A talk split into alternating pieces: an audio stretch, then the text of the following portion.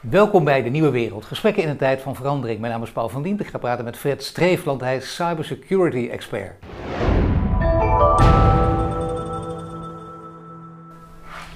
Fred, welkom. Dankjewel. Daar heb ik niks zoveel mee gezegd. Ik zal even het lijstje afmaken. Royal Air Force, dat heb je even in het begin nog gedaan. Daarna MIVD, de NAVO, IBM, eh, Palo Alto. En nu werk je bij het Chinese bedrijf Hikvision. Maar eh, voordat ik eh, het vergeet, ook nog oud topvoetballer. Ik heb een jaartje betaald voetbal gespeeld bij NAC, ja, heel lang geleden. Ja, Toen daar was nog schaam ik jong. toch niet voor. Nee, daar schaam ik me niet voor. Was ook heel leuk. En was echt eh, daarna nog zeven jaar hoofdklasse gevoetbald. Nou, En daarna moest ik een keuze maken of ik doorging met voetballen, eigenlijk bij NAC al. Of ik een keuze moest maken, moest, moest een keuze maken of ik doorging met voetballen of dat ik voor de luchtmachtcarrière koos. En ik koos voor de luchtmachtcarrière. Met wie speelde je toen, eh, bekende namen? Ik speelde toen met bekende namen. Ik speelde in de tweede van NAC, in het C-team zoals dat toen heette. Ja. Maar de bekende namen waren eh, Pierre van Hooydonk, natuurlijk. Fabian Wilnis, Danny Schrijvers. eh, de trainer was Cor Pot, nu assistent trainer bij Feyenoord. En eh John Karelsen was de keeper. Dus ja, het was een onwijs leuk. Kijk eens, is het leuk dan terugkijkend niet dat je denkt, eh, dat, dat is echt de grootste gemiste kans in mijn leven? Of ben je blij dat je deze, kant, deze richting bent ingeslagen? Nee, ik, ik heb daar een heel goed jaar gehad. Ik mocht ook blijven, alleen ik, ik heb echt voor de zekerheid gekozen. Ik was geen, ik had niet de, de, de Marco van Basten techniek, om het zo te zeggen. Ik was gewoon een hele simpele verdediger. En, Kopsterk eh, zo te zien. Kopsterk, absoluut. Ja. Echt een, een, een bijter, een, een soort Jaap Stam. Alleen ja, veel, minder, veel minder techniek natuurlijk. En, eh, en ik heb gewoon gekozen voor een carrière in de- bij de luchtmacht. En dat is me prima gevallen. En geen dag spijt van gehad. Nee, en daarna eh carrière de cybersecurity, waar je, waar je nu steeds meer van te weten bent gekomen. En uiteindelijk, nu zit je bij een bedrijf, Palo Alto, de vorige keer dat ik je sprak, ook heel groot wereldwijd, maar nu bij Hikvision. Wat voor bedrijf is het precies? Hikvision is een eh, bedrijf wat in principe eh, producent is van, eh, van slimme camera's, van Ja. beveiligingscamera's. Ze zijn in 2001 opge- opgericht in China, Chinees bedrijf. Daar worden ook de camera's gemaakt. En, en ja, ik ben verantwoordelijk voor de Europa, Midden-Oosten en Afrika branches. Voor wat betreft cybersecurity. Dus ik ben de cybersecurity director, zoals het officieel heet, voor EMEA. Maar ja, eh, ik, ik noemde dat lijstje net al, MIVD, de NAVO. Eh, misschien hebben de Chinezen gedacht, nou, dat is een goede vent om in huis te halen, want die, die weet hoe de tegenpartij erover denkt. Nou, ik eh, denk dat er dat komen heel veel geheimen binnen, die gaan we 10 miljoen betalen. Nee, wa- was het maar waar. Was het maar waar? Nee, nee. Ze hebben me gewoon binnengehaald vanwege de, de expertise op cybersecurity gebied. En omdat ze vinden, en dat vind ik ook, dat er gewoon veel meer aandacht moet worden besteed aan cybersecurity in de beveiligingswereld. Want daar hebben we het over. Het is de beveiligingswereld die, eh, waar zij een rol in spelen. Zij maken camera's. En, eh, en daar moet gewoon heel veel meer aan cybersecurity worden gedaan. Maar op welke plekken gebeurt dat dan vooral? Want eh, ik heb het idee dat hier in Leiden, maar in Amsterdam bijvoorbeeld, Utrecht, Den Haag, de grote steden, dat de steden helemaal vol hangen met camera's. Eh, dat merk je elke keer als er een inbraak is of als er, iemand opgespoord moet worden. Dan, eh, dan, eh, en die beelden worden aan de politie en het Openbaar Ministerie gegeven. Dan hebben ze ook heel veel tot hun beschikking. Bijna de hele stad ongeveer. Of overdrijf ik nu? Ja, dat is voor mij lastig om te bepalen. Ik zit niet in de, in de sales van, van, van Hikvision, dus ik, ik weet niet in hoeverre er camera's waar dan ook hangen. In het algemeen hangen er natuurlijk veel beveiligingscamera's. Niet alleen van ons bedrijf, maar ook van andere bedrijven. Dus er is heel veel beschikbaar. Heel veel beeldmateriaal beschikbaar. Alleen uiteindelijk, en dat is denk ik eh, de eerste eh, vooroordeel wat ik, wat ik graag wil wegnemen, is dat wij niets met die beelden doen. Wij leveren de camera's. En dan de Ja. eindgebruikers zijn degene die, eh, die die data opslaan en gebruiken.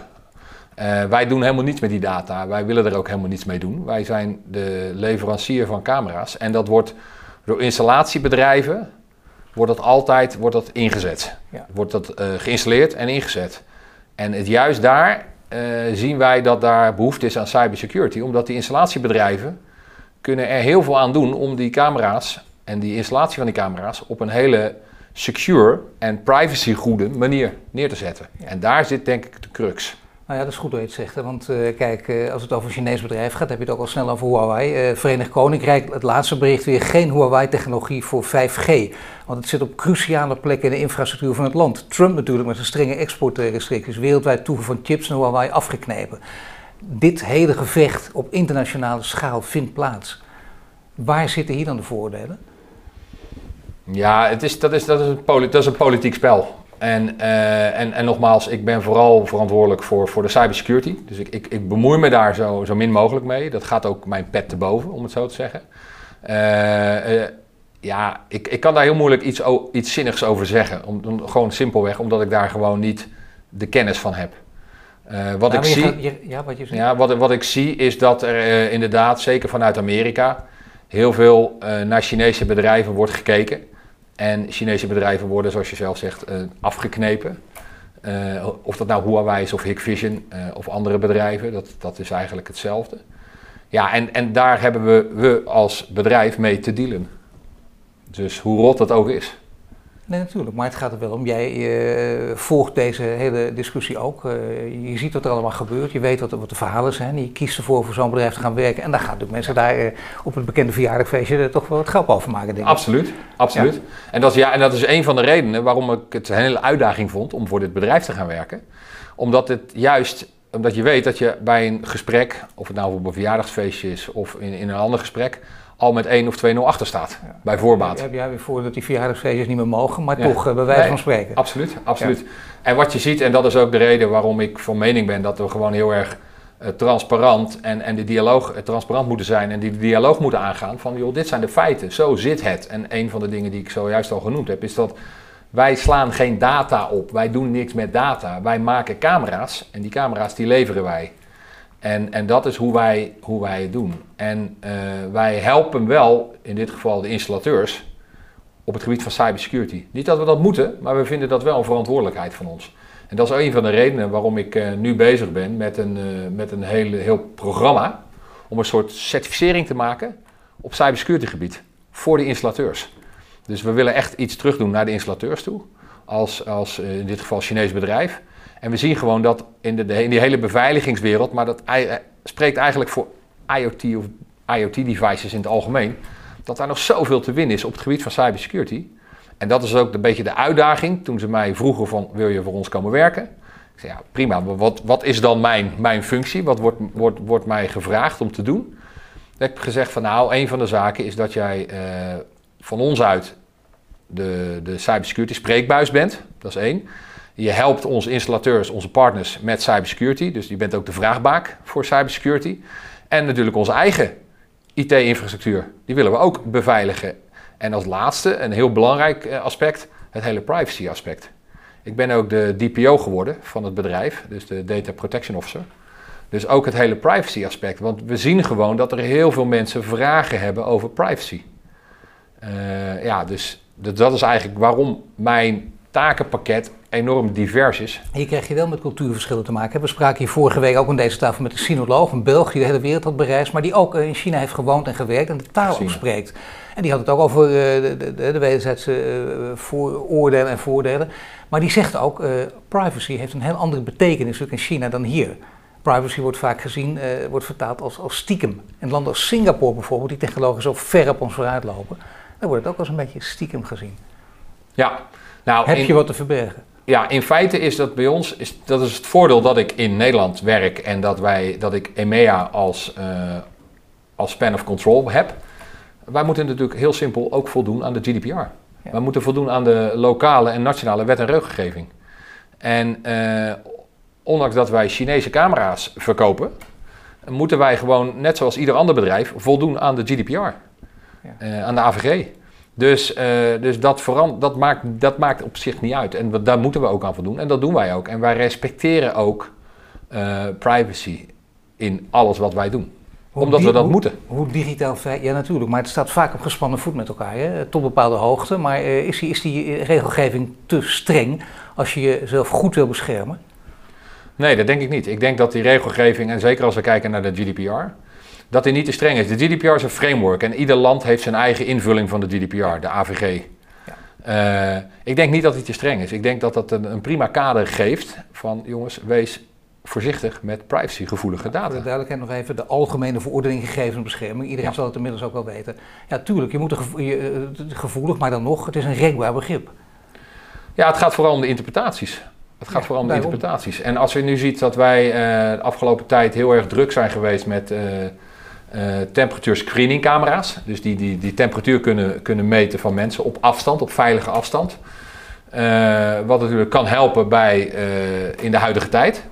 Bij het meten van mensen die een ziekenhuis binnenkomen of op een vliegveld zijn. Nou, die toepassingen. Toen werd er heel snel gezegd, ja, what about the privacy? Hoe zit dat met de privacy? Wat je zegt, op gespannen voet. Nou, ik denk dat je dat beide goed kunt waarborgen. Je kan zowel zorgen dat die temperatuur wordt gemeten. En daarnaast ook tegelijkertijd de privacy kan uh, waarborgen. Omdat je, nou, dat doe je omdat uh, temperatuur alleen is geen, is geen persoonsgegeven. Maar als je dat gaat combineren met een identificatie van iemand, van jij komt bijvoorbeeld in een ziekenhuis en meneer Van Liemp, mag ik, u mag ik uw temperatuur meten op afstand, op een veilige manier. Ja. En de temperatuur wordt gemeten en dat wordt gekoppeld aan jouw identificatie, dat jij de heer Van Liemp bent. Die data wordt opgeslagen, ja, hoe ga je dat opslaan? Dus dat is de eindgebruiker die daarmee omgaat. Dus die eindgebruiker die zal moeten voldoen aan de GDPR.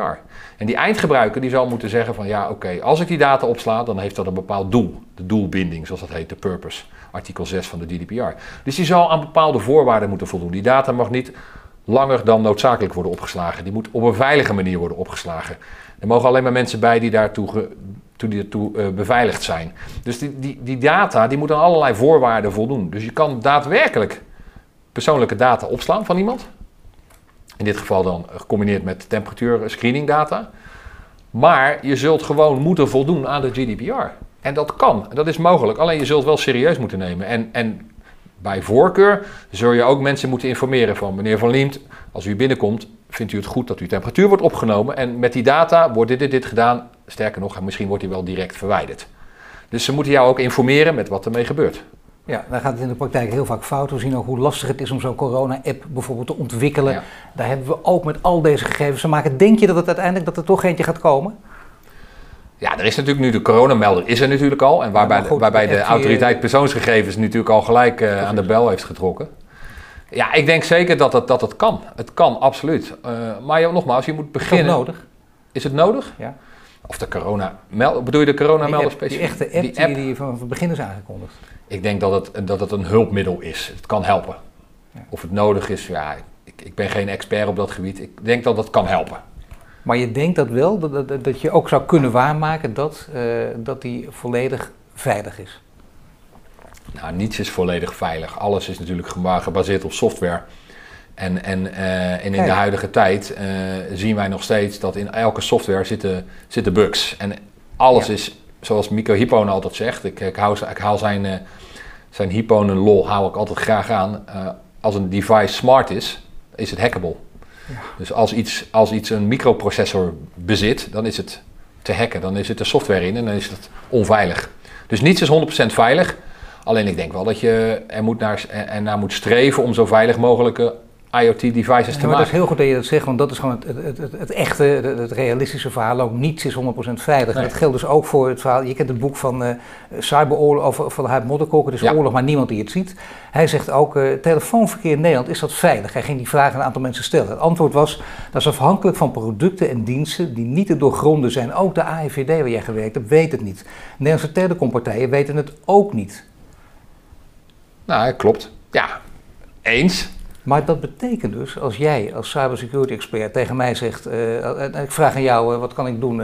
Ik, ik, wil, ik wil echt berichten verzenden of ik wil met iemand bellen en dit moet geheim blijven. Dan zeg je, ja jongen, sorry, maar dat, dat doe dan maar even lekker in een hoekje met z'n tweeën, want dan kan ik je nooit garanderen. Nou, dat is precies wat ook mijn antwoord zou zijn. Van, op het moment dat je op internet gaat, telefoonverkeer hebt, gebruik maakt van mobiele, mobiele devices, dan ben je kwetsbaar. Zo simpel is het. Niets is 100% veilig. En als ik iets daadwerkelijk van het hoogste geheimhoudingsniveau aan jou wil meedelen, dan zal ik dat inderdaad uh, één op één doen in een, in een hoekje of in een, in een drukke café. En als ik het toch ergens vastgelegd wil hebben, want daar hebben we vooral in Nederland enorme behoefte aan, hè? gewoon alles ja. schriftelijk vastleggen. Hoe doe je dat dan? Dat is dan de meest veilige manier, gaan op een blaadje? Nou dan, dan, nou, dan zul je inderdaad eh, beginnen met van, joh, ik wil deze data op een hele veilige manier vastleggen. En laten we beginnen met die data te beschermen door encryptie toe te passen, door inkluis te doen, door een paswoord te gebruiken vanuit een paswoordmanager. Two-factor authenticatie. Dus er zijn technologische mogelijkheden die daarvoor zorgen dat... Zelfs daar, hè, de pretty good privacy, bijvoorbeeld de criminelen die met elkaar in het, OM een groot gevecht tussen beide ja. partijen en toch weet je die te ontsleutelen. Zelfs die pretty good privacy. Absoluut. Dat zegt al wat, hè? Ja. Dus zelfs in dat geval, als jij, ik, ik wil toch voor, ik weet, het leven biedt nooit 100% garantie, daar gaan we nu al van uit, maar hier is het wel een heel essentieel verhaal. Ja. Dan zeg jij, ik heb echt iets, het is een ongelooflijk groot geheim, dat mag niemand weten, dit, dit, dit is een geheim op wereldniveau. Dat zou ik gewoon even opschrijven in dit luister op.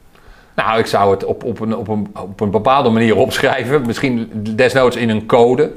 Eh, zorgen dat er maar een paar mensen bij kunnen. Dat die kluis, dat die sleutel van die kluis. Ja, je kan nogmaals met zowel technologische als ook normale middelen. kun je zorgen dat die data zo goed mogelijk beveiligd wordt. 100% garantie heb je nooit, wat je, ook, wat je ook aangeeft. Maar er zijn wel mogelijkheden om het zo goed mogelijk te beveiligen. Hoe veilig, eh, hoe digitaal veilig is Nederland? Dan heb ik het over de consumenten en de bedrijven. Ja, hoe digitaal veilig is Nederland? Ik denk eh, dat Nederland, de BV Nederland, eh, het redelijk, redelijk op orde heeft. Vooral omdat er heel veel awareness is. Eh, en dat het daadwerkelijk ook wel aan het verbeteren is. Maar, Maar er is nog heel veel room. Antivirus software op je, op je, antivirus software op je laptop. Heel veel mensen hebben het gewoon niet, hè? Of doen het Nee, niet. nou, dat, is, dat is, vind ik een hele domme zet. Ja. Ik ben van mening dat je alle hulpmiddelen die er zijn moet toepassen. Je moet in ieder geval beginnen met de reden. En, en dat is een beetje het zero trust verhaal wat ik altijd loop te verkondigen. Begin met wat, wat wil ik beveiligen en wat is belangrijk voor mij? Wat is mijn core business? En als mijn core business, in dit geval data is wat op een laptop staat, dan begin je met de beveiliging daar. Dus dan zorg je dat die laptop goed beveiligd is. En een van de dingen is een antivirusprogramma. Maar meer dan dat. Je wilt een two-factor authenticatie toepassen op het moment dat je die laptop gebruikt. Op het moment dat je de cloud, naar de cloud toe gaat.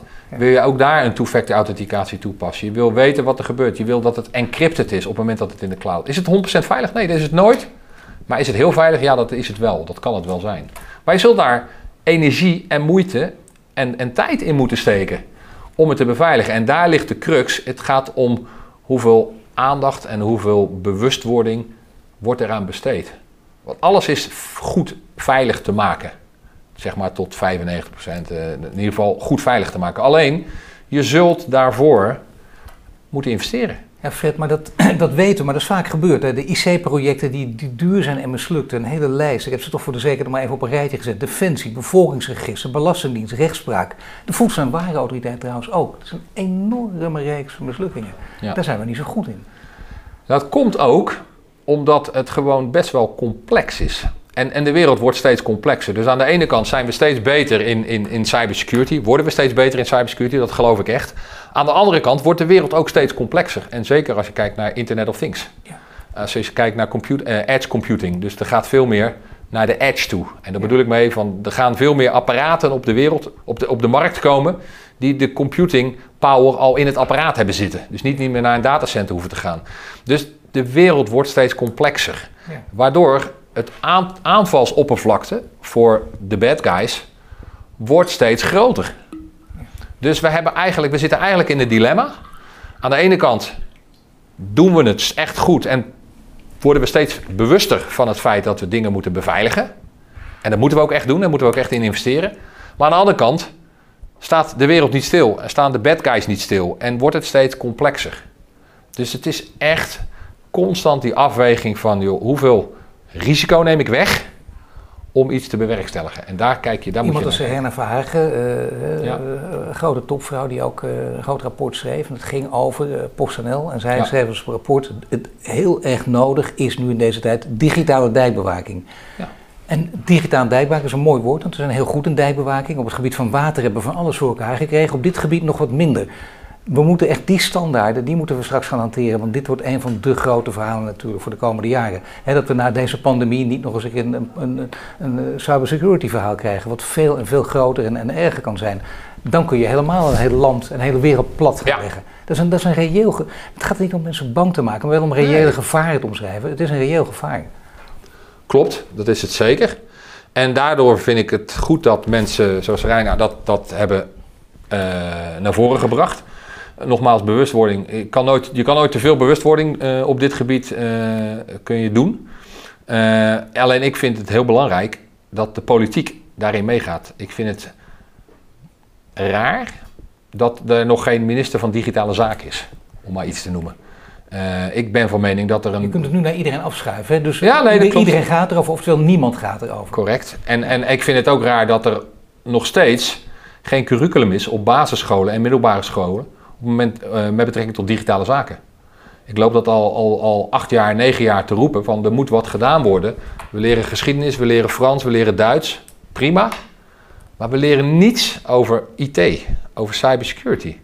Nou, terwijl de hele wereld is digitaal. Kan geen onderdeel worden van eh, bestaande vakken, denk je? Nou, het is heel lastig. Uh, ik weet dat er wel aan wordt gewerkt. Ik weet ook dat ze van plan zijn volgens mij in 2022 om daar een vak van te maken. Maar wie, zijn, wie is dat van plan? Het ministerie? het ministerie. Het ministerie is daar wel mee nou, bezig. Dat is groot nieuws, dat is heel interessant. Maar wat je ziet. Maar hoe gaat het vak heten? Kom op. Ja, ik heb, nee, heb geen idee, daar heb ik geen informatie over. Maar wat, wat ik zie in de discussies die ik daar in het verleden ook over heb gevoerd, is dat. Uh, ik heb nou een presentatie gegeven op de, op de middelbare school, op de lagere school van mijn kinderen. Over cybersecurity. En die kinderen hadden allemaal, inclusief de docenten, van: wauw, dat wisten we niet. Ja. En dat zijn hele basale zaken die je daar vertelt. Maar zeg eens een paar dingen. Waar, nou, een van de zaken die ik heb gezegd, dat, uh, dat je niet op openbare wifi's moet gaan.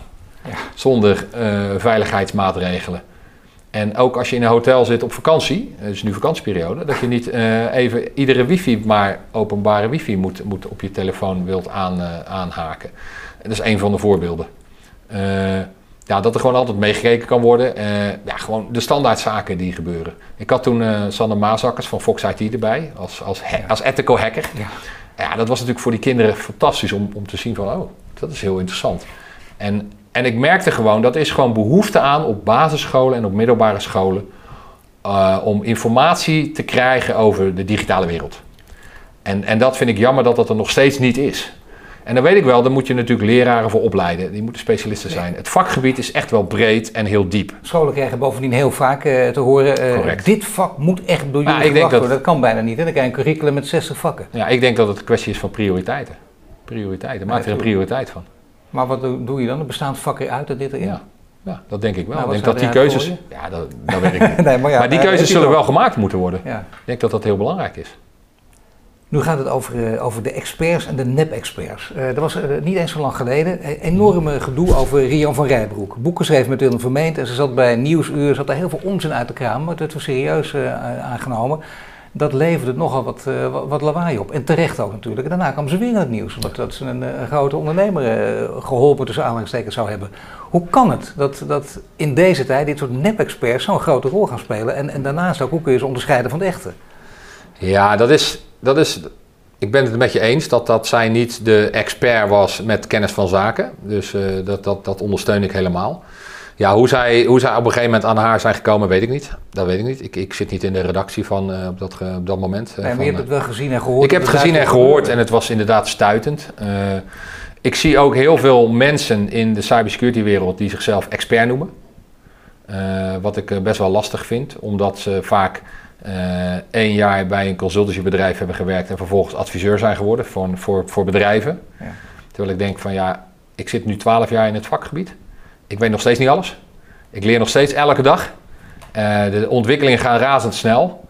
Ik zal mezelf nooit een expert noemen. Uh, ik, ik, ik, ik, geef, ik noem mezelf een cybersecurity professional. Oh, ik heb je net wel zo aangekondigd. Hebt me wel aangekondigd. Bij dank daarvoor. deze terug. nee, maar wat je ziet is gewoon, het vakgebied is zo complex en zo uh, uh, diep en, en breed. Dat, het, dat, je, dat je nooit overal alles van, al, van alles af weet. Alleen door ervaring en door schade en schande wordt men wijs. Nou, ik ben ook als, als CISO heb ik gewerkt bij een aantal, bij een aantal organisaties. Wat is CISO ook alweer? De CISO is verantwoordelijk voor de eigen IT-security. Ja. Daar komt het eigenlijk op neer. Information Security Officer, zoals dat heet.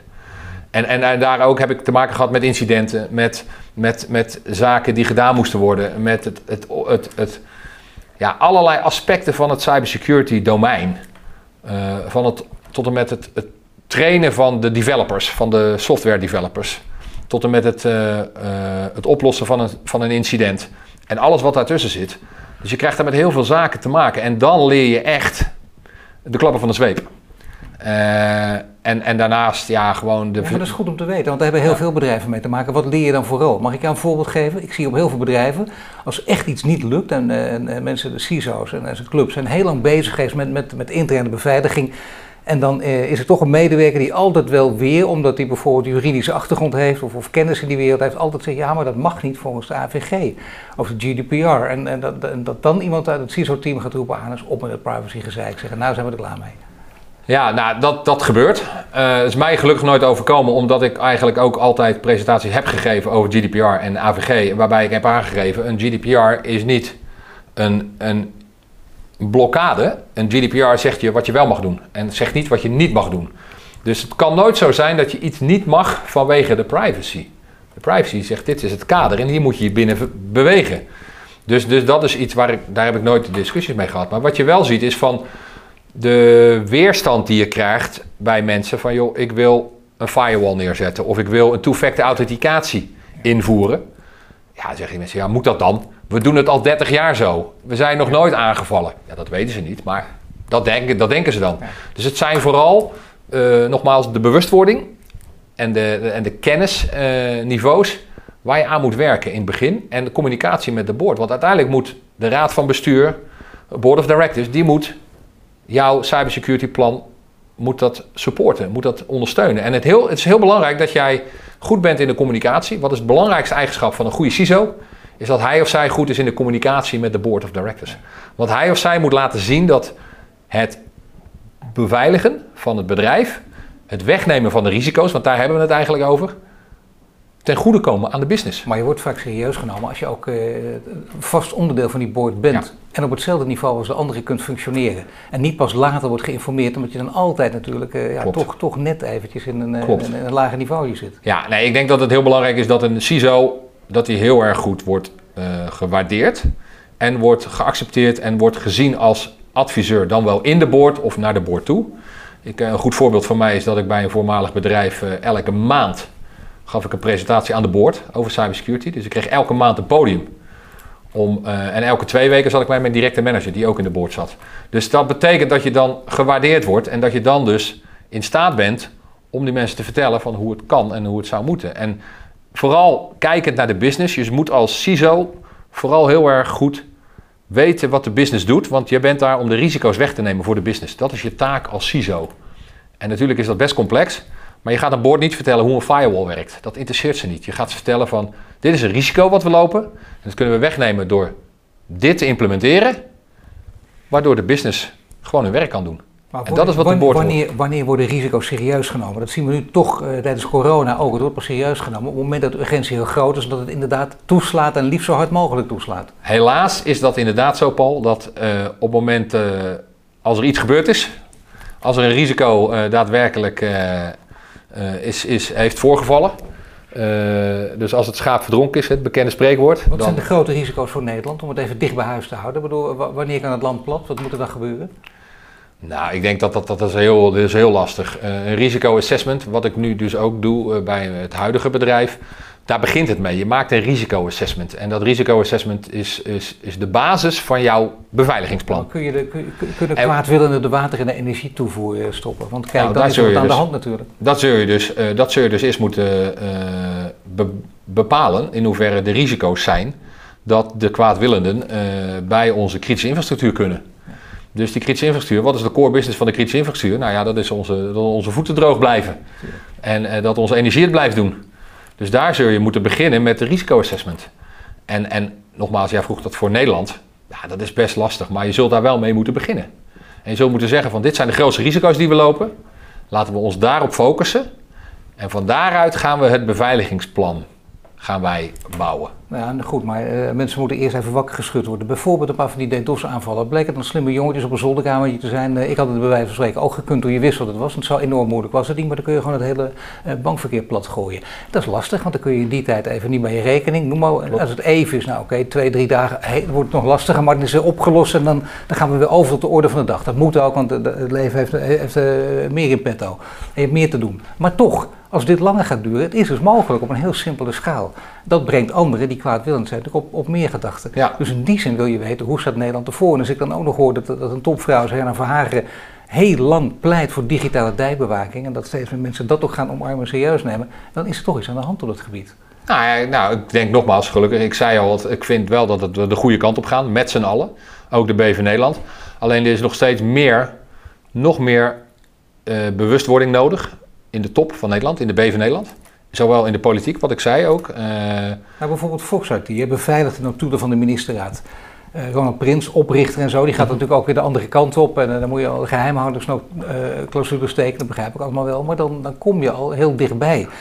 geheime diensten mogen grootschalig internetverkeer filteren. Bijvoorbeeld KPN en Ziggo aftappen en filteren. Dat zijn allemaal verhalen waar mensen wel eens van kunnen schrikken. Ja, alleen het is wel zo, dat, daar weet ik natuurlijk iets meer van, dat de geheime diensten zich wel altijd aan een kader moeten houden. En dat kader is heel streng. Ze mogen het niet, niet zomaar doen. Ze moeten echt met een goed een goed verhaal komen waarom ze dingen aftappen. En Dus dat is wat dat betreft. van interpretatie natuurlijk. Hè. Er komt niet voor niks af en toe een schandaaltje naar boven. Dat je denkt, nou, hebben ze zich niet helemaal de regels gehouden. Of niet helemaal. Hebben ze, eh, misschien, het hangt er vanaf welke interpretatie hierop loslaat, maar de mogelijkheid bestaat er. De mogelijkheid bestaat er.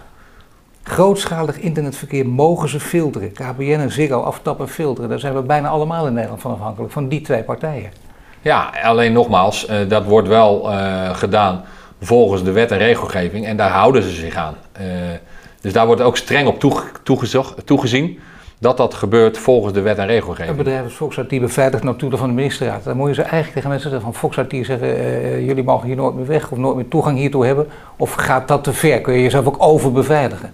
Nou, ik weet niet of je jezelf kunt overbeveiligen, maar ik weet wel dat een, een Fox IT uh, het gewoon goed geregeld hebben. Ze zullen wel moeten. Ja. Maar ook een Fox IT is in het verleden gehackt. Ook een Deloitte is in het verleden gehackt. Dus ieder bedrijf heeft ermee te maken. Uh, maar het mooie is, en dat is ook om even bij Fox IT te blijven, is natuurlijk dat, dat zij dat op een hele goede manier hebben opgelost. Kijk, dat het gebeurt, dat je een incident krijgt, dat, nogmaals, dat overkomt een ieder. Maar het gaat erom hoe je daarmee omgaat. En Fox IT heeft dat heel erg transparant opgelost, gezegd van dit is, dit is de reden, dit is de oorzaak, op deze manier hebben we het opgelost. Dus dat is eigenlijk alleen maar één grote lessons learned voor één ieder. En dat vind ik, dat vind ik echt chapeau voor in dit geval Fox IT. Eh, en uh, Deloitte volgens mij precies hetzelfde. Dus, dus dat is denk ik het allerbelangrijkste. Er, gebeuren dingen, er gaan dingen fout, mensen maken fout. Uh, helaas, wat ik al zei, is het aanvalsoppervlakte alleen maar complexer aan het worden. Dus het is ook steeds moeilijker om te beveiligen. Dat moeten we ook niet vergeten. maar zodra we zolang we dat serieus nemen, zodra we er alles aan doen om het op de best mogelijke manier te beveiligen, ben ik van mening dat we daadwerkelijk stappen maken in de goede richting. En dat doen we ook. En ook in de BV Nederland. Alleen ik ben van mening dat in de BV Nederland nog die laatste zet moet worden gegeven. Doordat de politiek die moet meebewegen. Die moet, er moet een minister komen van Digitale Zaken met een staatssecretaris. Die moeten dingen naar zich toe trekken. Die moeten gewoon zeggen van zo gaan we het doen. Want het is niet meer, in, op een, in een versnipperd landschap is het gewoon te managen. Ja, het gaat te snel. Dat, dat, dat gaat in China natuurlijk een stuk makkelijker. En dan kun je ook lekker vooruit plannen. Ja, ik weet niet. Ik ben nooit in China geweest trouwens, by the way. Nou, uh, nee, ik ben nog nooit in China geweest. tijd om dat te gaan doen? Dat wordt absoluut tijd, maar er is iets van corona waardoor ik niet naar China mag. Oh, ja, het schijnt zo te zijn, ja. Dus uh, nee, dus, maar absoluut. Ik, ik ga daar zeker heen, zo snel mogelijk, als het kan. Uh, dus ja, ik kan, daar, ik kan daar niks over zeggen hoe ze dat daar geregeld hebben. Ik kan alleen zien dat, hoe wij het in Nederland geregeld hebben. En, en nogmaals, ik weet dat er een aantal Tweede Kamerleden... Wil niks over zeggen. Nee, je moet ook niet te voorzichtig doen. Dat weten we toch allemaal natuurlijk, dat China. Dat is gewoon een, een eenpartijstaat. Het is veel makkelijker om dan ook... Ja, maar ik weet niet hoe ze geregeld hebben. Dat weet ik echt niet. Ik weet echt niet hoe ze het daar geregeld hebben qua cybersecurity. Als je kijkt naar, uh, uh, naar bijvoorbeeld uh, Chine naar de, de sleepwet, een groot verhaal. Mm -hmm. Ongericht mogen aftappen van internetverkeer, van geheime dienst, waar je alles van weet. Betekent het dat je door dat verhaal van die sleepwet, dat jij anders bent gaan nadenken over privacy? Nee, ik ben niet anders gaan nadenken. Ik, eh, want nogmaals, ik weet hoeveel regels eraan vastzitten aan, aan die sleepwet. Wat ik trouwens een ongelukkige naam vind. Maar... Wat vind je een betere naam? Ja, wat vind ik een betere naam? Ja, dat is een hele eh, lastig. Als ik dat had, nee, dan had ik hem wel genoemd. Nee, ja, nee, maar is het letterlijk, hè? Hier, ik heb nu als definitie ongericht mogen aftappen van internetverkeer door de geheime dienst. Ja, het is niet ongericht aftappen van internetverkeer. Het is gericht aftappen van internetverkeer op basis van verdacht, verdachtmakingen en conform de regelgeving. Zo moet je het zien. Dat is, dat is hoe het gebeurt. Ik weet namelijk hoeveel, door hoeveel hoepels iemand van de MIVD heen moet als hij of zij iets wil aftappen. En dat is niet, dat is niet, dat is niet mals. In de volksmond is het, dat gaat zomaar. Nee, dat, dat is dus gebeurt niet zo. voortdurend. Nee, dat is niet zomaar. Nee, maar zo'n, zo'n wet die, die je dan geen sleepwet van jou mag noemen, die, die, gaat wel, die zet wel een proces in gang. Nou ja, ik, ik vind, het goed, ik vind het goed dat daar kritisch naar gekeken wordt. Ik vind het goed dat een, uh, dat een Kees Verhoeven daar iets van vindt. Want dat, dat is voor, goed voor de discussie. Daar wordt een ieder scherper van. De specialist van D66 op dit gebied. De specialist van D66 op dit gebied. Uh, maar ja, ook een, een, Jan Middendorp van VVD, die dus het portefeuille heeft van, namens de VVD. die heeft daar ook zijn, zijn mening over. Dus ik vind het goed dat die discussie wordt gevoerd. En dat moeten ze ook doen. Want ze moeten, uiteindelijk moeten ze het goed beleggen. Uh, en ik denk dat nogmaals dat Nederland dat wat dat betreft best goed gedaan heeft. Uh, Hoe staat Nederland er internationaal op? Want dat weet je natuurlijk wel. Er zijn overal lijstjes van alles wordt bijgehouden. Ik geloof dat de Economist uh, regelmatig ook met deze lijsten komt. Maar hoe hoog staat Nederland? Hoe goed is Nederland beveiligd vergeleken met anderen? Ja, dat weet ik niet. Dat weet ik echt niet. Ik, ik weet niet. Ik, ik, heb, ik heb me daar nooit echt in verdiept. Dus ik kan je daar geen goed antwoord op hoe geven. Hoe goed ben jij zelf beveiligd? Hoe goed ben ik zelf beveiligd? Ben jij te hacken? Ik, tuurlijk, ik, ik ben te hacken. Iedereen is te hacken. Ja. Uh, maar ik doe er wel alles voor om dat te voorkomen. Uh, dus ik heb mijn uh, wachtwoorden in een, een paswoordmanager. Ik heb mijn wachtwoorden in, in, mijn eigen encryptietaal opgeschreven als ik ze moet opschrijven. Schrijf ik ze op, in, een eigen manier op. die als iemand mijn, mijn wachtwoord zou vinden, dat diegene daar geen wijs uit kan worden. Weet je, misschien na heel lang studeren zou dat natuurlijk. Kijk, alles is te kraken, wat we al eerder hebben aangegeven. Maar natuurlijk, iedereen is te hacken, iedereen is uh, te hacken. Maar nogmaals, ik doe er alles aan om dat te voorkomen. En als mijn buurman makkelijker te hacken is dan ik, dan weet ik wel waar de bad guys naartoe gaan. Op Zo dit moment, uh, nogmaals, wil niemand schrik aanjagen, maar het is uh, reële dreiging dat, er een, uh, dat na de, deze pandemie, de volgende, wordt een cybersecurity rampje, of niet? Dat kan, maar dat hebben we natuurlijk al. al we hebben natuurlijk al rampjes gehad. De, de, de, de, de, de ransomware aanvallen. Uh, die de haven van Rotterdam gedeeltelijk heeft stilgelegd. Maar ik heb het over iets wat ons uh, net zo raakt als deze pandemie. Poeh. Ja, kijk. Waar, waar, komt het grootste gevaar vandaan? Waar moeten we vooral echt heel erg op gespitst zijn? Nou, ik denk, ik denk nog steeds uiteindelijk dat de kritische infrastructuur, zeker voor een land als Nederland, essentieel is. Ja, maar daar bedoel je mee? Wat is dat precies? Energie, water, gas, watervoorziening, dijk, dijkbewaking. Uh, ik denk dat we daar nog steeds uh, stappen in kunnen maken. Uh, nogmaals, ik denk dat we goed bezig zijn, dat mensen daar bewust van zijn. Maar er kunnen nog steeds serieuze stappen in worden gemaakt. Ja, Ook omdat... Of, omdat of, of, moeten. En, en nou, de, moeten. De, de grote moeten. urgentie met hoofdletters. Grote urgentie met hoofdletters. En ook het hele Internet of Things verhaal. We krijgen steeds meer Internet of Things in de wereld. Nederland wordt steeds afhankelijk. Je ziet nu met 5G, om maar een voorbeeld te noemen. Ja. 5G door 5G kunnen de dingen die met 4G niet mogelijk zijn, vanwege de, de snelheid. Als de kritische infrastructuur van Nederland ook op 5G gaat draaien, dan op een gegeven moment, nou, dan zit je ook over cybersecurity te praten. Wat vind je van het verhaal van de zogenaamde complotdenkers over 5G? Ja, ik, ik, heb, ik ben het niet met ze eens, laat ik het zo zeggen. Ik, Waarom niet? Nou, omdat ik denk dat het uh, vooral uh, technisch een verhaal is en, en niets met, uh, met de complot te maken heeft. Het is gewoon een technische vooruitgang. Dingen kunnen sneller. Uh, het is dit gewoon de voortgang van de technologie, waardoor dingen mogelijk zijn. Uh, eh, 5G is, is 100 keer sneller dan 4G, om een idee te geven. Dus we kunnen remote surgery gaan doen. Uh, we kunnen stads, surgery? Ja, op afstand kunnen we een operatie uit gaan voeren. omdat het gewoon bijna real-time is.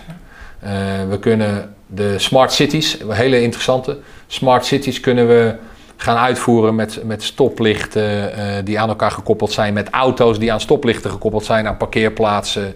Uh, ja, denk, denk maar aan iets, dat kan op een gegeven moment met 5G kan dat gerealiseerd worden. Alleen ben ik van mening dat je daar heel erg moet kijken van oké, hoe gaan we dat op een secure manier doen? En daar komt de uitdaging. Want 5G is zo snel dat het beveiligen van 5G ook een uitdaging is. En uiteindelijk ook op een eh, manier waarop onze privacy bevestigen, zodat we niet alle Absoluut. nieuwe burgers gaan worden. Dat we dat niet een systeem zoals in China bijvoorbeeld bestaat, dat we hier niet gaan krijgen. Nou, je moet gewoon zorgen dat je privacy by design en security by vijf, design. Ik, bedoel, ik loop vijf keer de rood licht en ik uh, krijg geen hypotheek meer. Nou ja, dat zou kunnen. Dat is theoretisch is dat natuurlijk mogelijk. Ja. Ik denk niet dat je daarna moet, dat je daarna moet moet, moet gaan. Omdat, uh, is dat echt belangrijk? Dat Paul van Liemt vijf keer door een rood stoplicht krijgt en geen hypotheek meer krijgt. Weet je, daar gaat het niet om. Het gaat erom dat als we dingen zien die mogelijk kunnen leiden tot grote incidenten, dat we daarop van tevoren, dat we daar snel op kunnen inspringen. Ja, in ieder geval heel, heel erg letten op onze ongelooflijk belangrijke infrastructuur. Dat is het belangrijkste. Ja. Energie ja. en water. Dat Energie en water, dat zou ik, daar zou ik zeker een land zoals Nederland zou ik daar zeker, uh, zeker naar. Maar sowieso, energie. Uh, ik heb volgens mij in het vorige gesprek al een keer uh, het boek van, van Mark Ellsberg genoemd. Dat is iedereen vergeten, noem het nog een keer. Ja. Ja, dat boek heet, eh, eh, dan ben ik even de naam kwijt. Mark Ellsberg. Ja, Mark Ellsberg is de schrijver. Eh, hij heeft het aantal boeken geschreven. De ene ging erover dat, hij, eh, dat de energievoorziening van West-Europa wordt gehackt. Waardoor alles stil komt te liggen. En dat Blackout, dat is de naam van het boek. Blackout. Nou, geweldig. Dat je niet wist, het heet Blackout. Dat is Het heet Blackout, ja, inderdaad. Heel ongelooflijk. Maar Blackout is Ja. het boek en, en, en dat is natuurlijk al een aantal jaren geschreven. Hij heeft heel veel research gedaan. Eh, is het realistisch? Nou, het, het zou in theorie kunnen. Gebeurt het in theorie? Nee, waarschijnlijk niet. Maar het is wel heel interessant. Het zet je wel, het zet je wel aan tot nadenken. En ik denk dat, en, en nogmaals, omdat de wereld complexer wordt en omdat we ook de kritische infrastructuur met IoT-devices gaan koppelen met een 5G, wordt de beveiliging, maar ook de privacy, wordt een steeds grotere uitdaging. Nou goed, het boek zet ons aan het denken, dit gesprek ook. Ik dank je cybersecurity professional, hè, Fred Streefland. Dankjewel. Dankjewel. Dankjewel. Dank.